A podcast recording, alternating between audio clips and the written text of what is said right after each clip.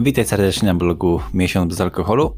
Z tej strony Marcin i dzisiaj Tobie opowiem o takiej ciekawostce, czym się różni e, piwo versus e, mocny alkohol, czyli spirytusem. Nawet nie czym się różni, czyli mm, tylko czego możesz się spodziewać po każdym z tych trunków. Pod względem objętości alkoholu napoje spirytusowe są znacznie silniejsze niż wino czy piwo.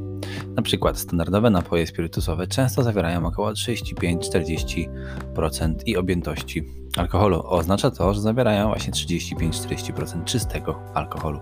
Dla porównania, kufel piwa często wynosi około 5%, a kieliszek wina 11%. Alkohole są często podawane z mikserami bezalkoholowymi. Te miksery ukrywają smak e, smaku, e, ukrywają smak alkoholu, dzięki czemu są e, łatwe do picia, co oznacza, że można je szybko spożyć i to jest też właśnie niebezpieczne. Dlatego też warto mieć oko na to, ile pijesz. Na początek zrozumienie jednostek i wytyczne dotyczące, dotyczące niskiego ryzyka. Wytyczne dotyczące picia o niskim ryzyku zalecają, aby zarówno mężczyźni, jak i kobiety regularnie nie pili więcej niż 14 jednostek tygodniowo.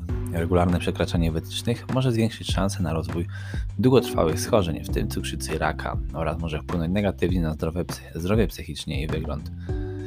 Pojedyncza miarka spirytusu objętości 25 ml zawiera jedną jednostkę. To może nie wydawać się dużo, ale ponieważ można go szybko zużyć, jednostki mogą szybko się kumulować.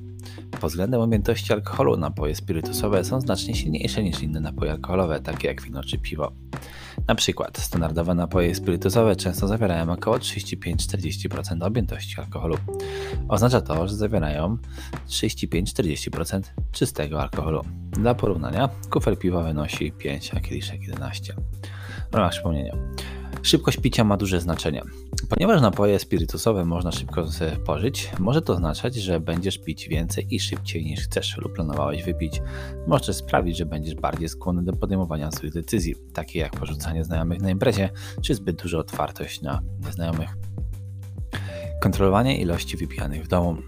Z uwagi na fakty, że alkohol można, e, silny alkohol, spirytus można wypić w dużych ilościach w krótkim czasie, używanie prostej miarki może pomóc, ponieważ zapewnia dokładniejsze nalewanie niż mierzenie na oko, które może skończyć nalaniem przy, przypadkowo pełnej szklanki.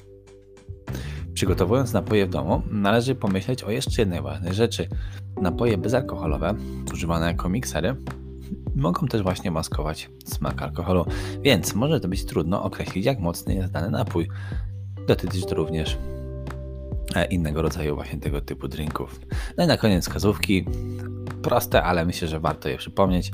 Po pierwsze uważaj na szoty. Picie szotów oznacza bardzo szybkie spożycie alkoholu. Zwolnij tempo i wybierz napój bezalkoholowy w przerwie. 2. Spójrz na alternatywy od ekskluzywnych alkoholi bezalkoholowych po chłodne piwo imbirowe w stylu retro. Jeśli szukasz alternatywy dla alkoholu, masz większy wybór niż kiedykolwiek wcześniej. Dlaczego więc nie spróbować czegoś nowego? 3. Niektóre marki oferują alkohole silniejsze niż standardowe 40%. Pamiętaj, aby zawsze sprawdzać, jak mocny jest Twój napój. I 4. Mieszanie napojów energetyzujących i alkoholi oznacza przyjmowanie zarówno kofeiny, jak i alkoholu.